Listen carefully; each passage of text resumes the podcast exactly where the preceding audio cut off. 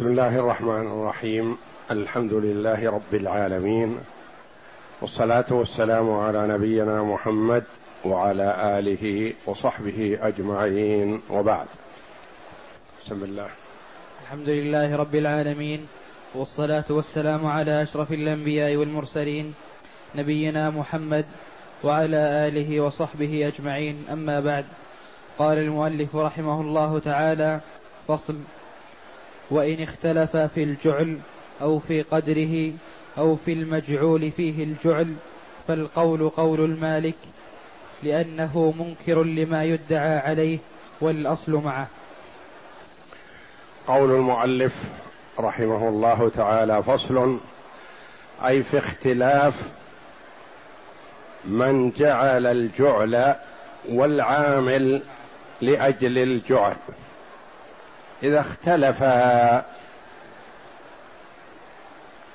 إذا اختلف اثنان فالبينة على المدعي واليمين على من أنكر. هذا لفظ حديث وهو قاعدة شرعية. البينة على المدعي واليمين على من أنكر.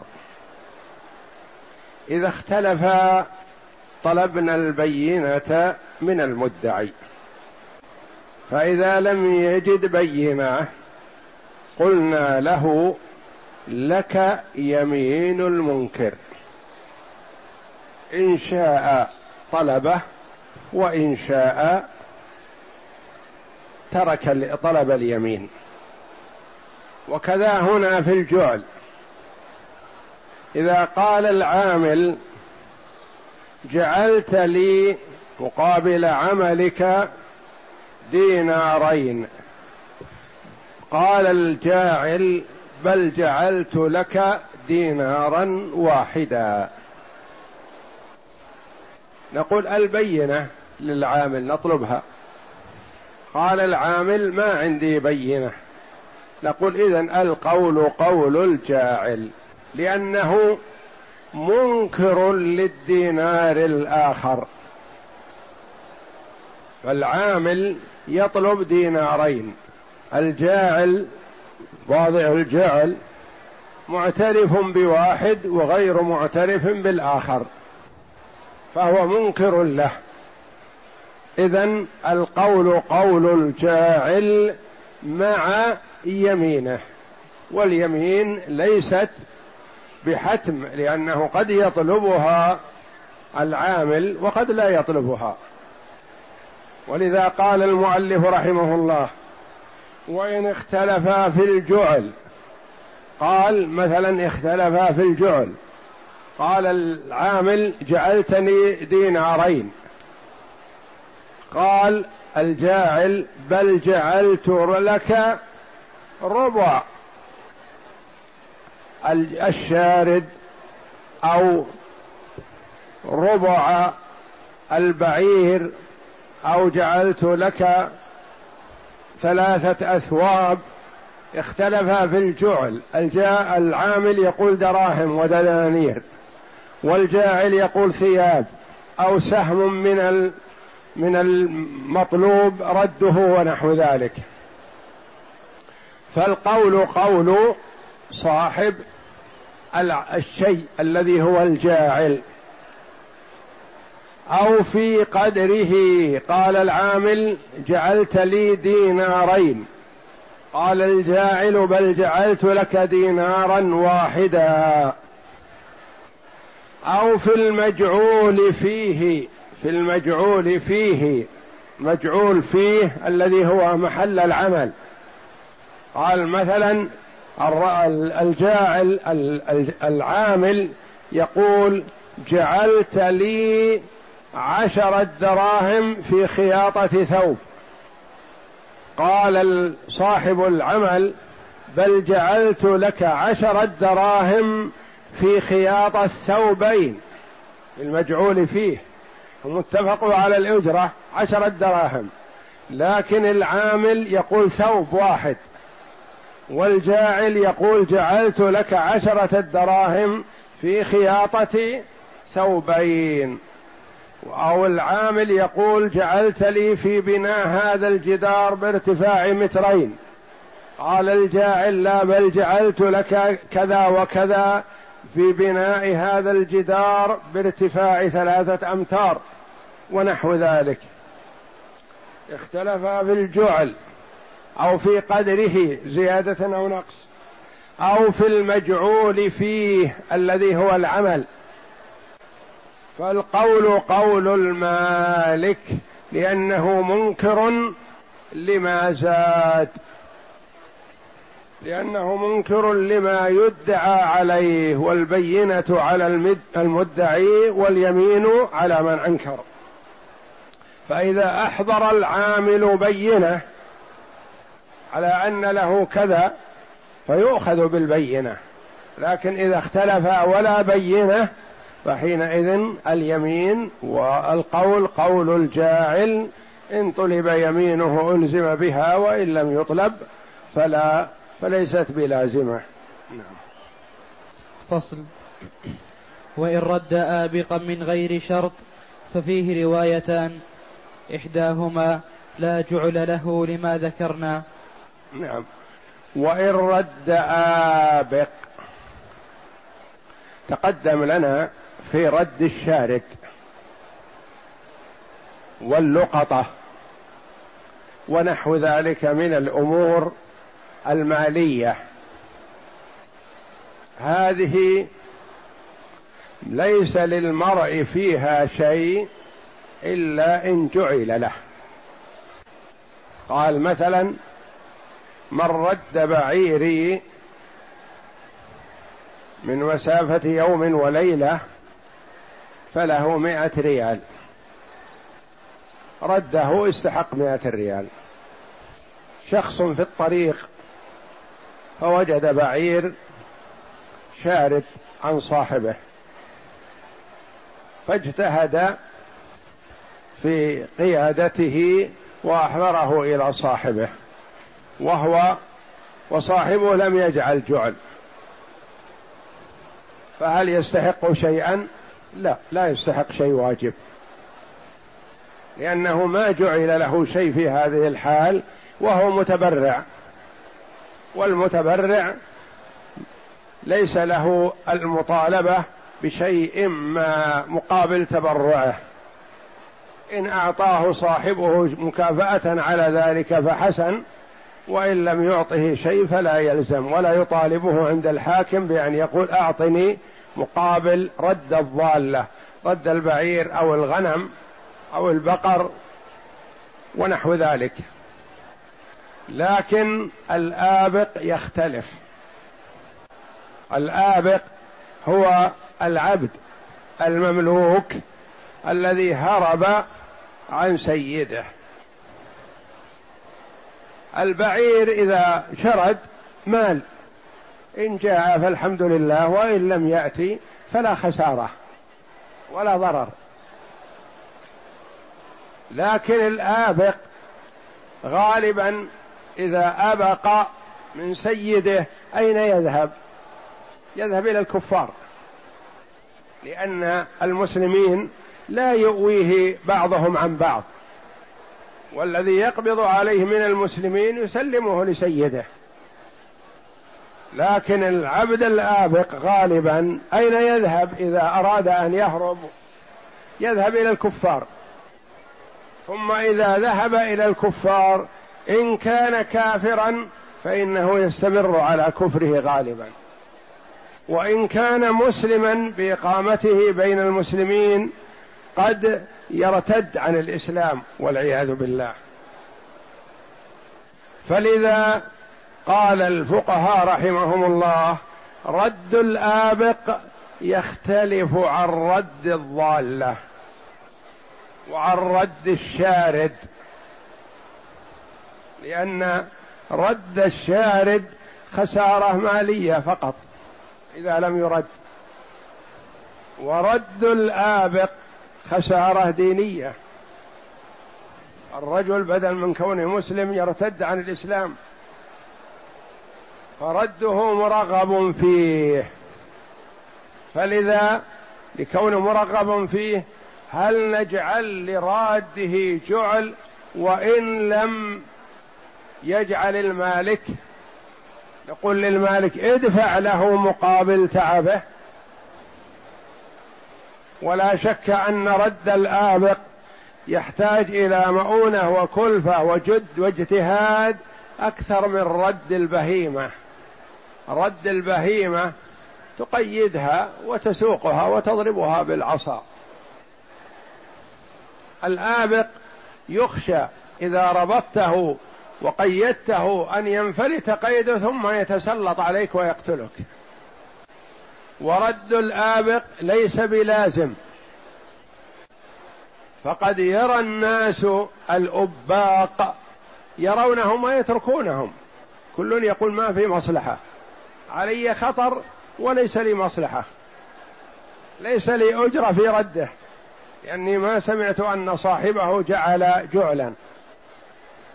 فلذا فرق الفقهاء رحمهم الله بين الآبق من العبيد وبين الشارد من البهائم.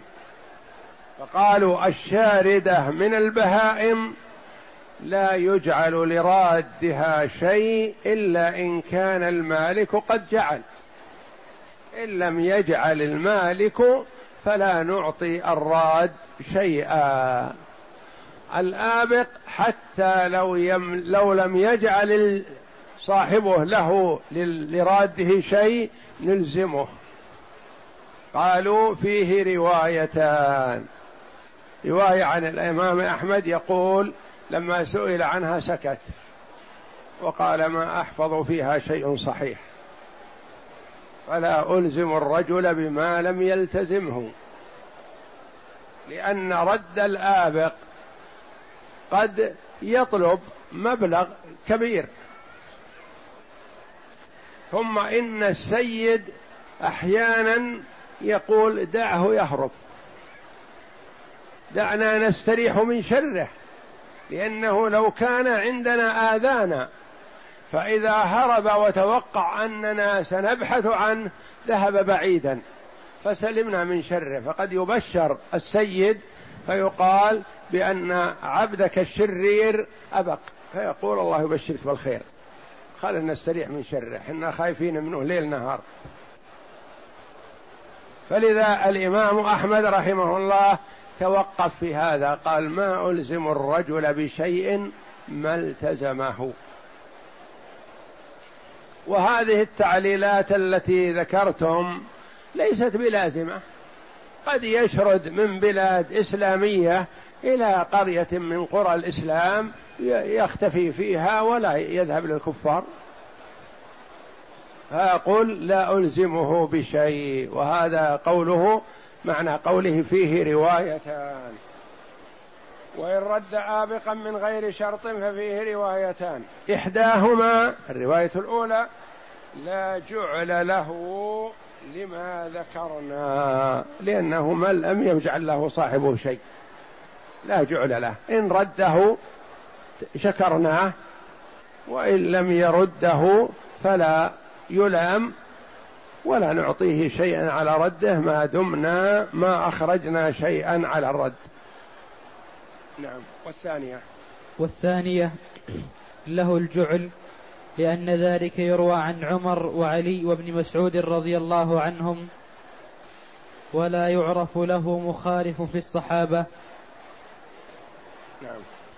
ويروى عن النبي صلى الله عليه وسلم أنه جعل في الآبق إذا جاء به خارجا من الحرم دينارا ولأن في ذلك حثا على رد الأباق وصيانة عن الرجوع إلى دار الحرب وردتهم عن دينهم فينبغي أن يكون مشروعا. الرواية الثانية أن له أجرة لأن هذا قالوا روي عن عمر وعلي. وابن مسعود رضي الله عنهم وأرضاهم. في زمن الصحابة ولم يعرف لهم مخالف في زمانهم فنلزم السيد بجعل لمن رد عبده الآبق وإن لم يجعل شيئا. فهذا مبني على ما روي عن الصحابة رضي الله عنهم. وكذلك ما ورد عن النبي وهو حديث ليس بالقوي. ويروى عن النبي صلى الله عليه وسلم أنه جعل في الآبق إذا جاء به خارجا من الحرم يعني خرج من حدود البلد عازم على الهروب. فجعل فيه دينارا أجرة لمن رده. فرد الآبق فيه روايتان الرواية الأولى أنه لا جعل له إلا إن جعل له والرواية الثانية أن له جعل وإن لم يجعل لأن لأن هذا روي عن الصحابة رضي الله عنهم ويروى فيه حديث عن النبي صلى الله عليه وسلم أخرجه ابن أبي شيبة في كتاب البيوع والأقضية وروي عن عمرو بن دينار وابن أبي مليكة مرفوعا وهو منقطع. يعني هذا الحديث ما يصلح للاستدلال به استدلالا كاملا وإنما يستأنس به. وفيه تعليل في جعل العوض والجعل. قال صيانة عن الرجوع إلى دار الحرب. لأن الغالب أن العبد إذا هرب وأبق من سيده فإنه يذهب إلى بلاد الحرب. ولما؟ لأن أصله أخذ من هناك. لأنه ما صار عبد ورقيق إلا وهو مأسور من بلاد الحرب من بلاد الكفار. فأصله كافر فقد يرتد عن الإسلام وقد يلحق ببلاد الكفار وإن لم يكن مسلم قد يكون يدل على عورات المسلمين لأنه دخل بلاد الإسلام وعرف المداخل فقالوا في رده مصلحة عظيمة وفي تركه ضرر. فلذا نجعل لراد الآبق جعلا وإن لم يجعل ذلك سيده. وينبغي أن يكون مشروعا يعني لأنه مأمور به شرع ويعطى مقابل عمله ذلك. نعم. وقدر الجعل, وقدر الجعل دينارا أو اثنا عشر درهما لما روينا. للحديث السابق يعني الجعل يجعل دينار أو اثنا عشر درهما لأن الدينار في ذلك الوقت اثنا عشر درهما. نعم. ولأن ذلك يروى عن عمر وعلي رضي الله عنهما وعن أحمد أنه إن رده من خارج المصر فله أربعون درهما. وإن رده من المصر فله دينارا. لأنه يعني إن رده من داخل البلاد فله دينار. وإن رده من خارج البلاد فله أكثر من هذا له أربعون درهم. لأن الدينار كما تقدم اثنى عشر درهم. لأنه يروى عن ابن مسعود رضي الله عنه وسواء كان ذلك كقيمة العبد أو أقل أو أكثر. يعني أن هذا الجعل هو الواجب سواء كانت قيمة العبد أكثر من هذا أو أقل.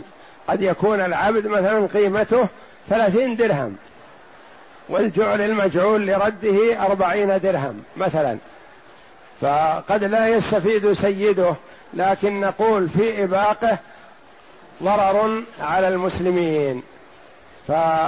فجعل الجعل لرده حتى لا يحصل الضرر. فإن مات السيد استحق الجعل الجعل في تركته. فإن مات السيد قبل رد الآبق فإنه يكون دينا عليه يؤخذ من تركته لأن جميع الحقوق على الرجل إذا مات تؤخذ من تركته قبل قسمة الميراث. وما أنفقه على الآبق في قوته رجع به على سيده سواء رده أو هرب منه في بعض الطريق. أما ما أنفقه عليه في قوته لأن العبد الآبق يختلف عن البهيمة. البهيمة قد لا يلتزم مالكها بنفقتها يقول دعها ترعى تأكل من الأرض. تأكل من العشب. الآبق يحتاج إلى نفقة وقد يحتاج إلى أجرة ركوب أو تذكرة بالطائرة أو تذكرة بالباخرة ويحتاج إلى لباس ليستر به عورته ويصلي به ويحتاج إلى طعام وشراب ونفقة ويحتاج إلى سكن مثلا إذا كان أتى به من مكان بعيد مساكن في الطريق فهذه تعتبر نفقة. فنفقة الآبق تلزم السيد على كلا الحالين سواء على الرواية الأولى التي لم يجعل فيها جعل وعلى الرواية الثانية التي يستحق الجعل. فالنفقة واجبة لأن فيها محافظة على نفس آدمي. بخلاف البهيمة فالبهيمة ترعى من العشب ومن الأرض ولا يلزم القابض عليها أن يقدم لها العلف وإنما يتركها ترعى. وأما الآبق فيحتاج إلى نفقة لا تحتاجه البهيمة. فلذا قال وما أنفقه في رده فيلزم السيد سواء قلنا بلزوم الجعل أو لم نقل به. وسواء سلمه أو لم يسلمه يعني أنفق عليه أحضره من بلاد بعيدة وأنفق عليه. فلما وصل إلى أطراف البلد استغفل صاحبه الذي أحضر فهرب مرة أخرى. فهل له جعل حينئذ؟ حتى لو جعل له الجعل ليس له شيء لكن له نفقة له ما أنفقه على الآبق لأن الإنفاق هذا مأمور به شرعا وواجب ولا يجوز أن يربط ولا يطعم. والله أعلم وصلى الله وسلم وبارك على عبد ورسول نبينا محمد وعلى آله وصحبه أجمعين.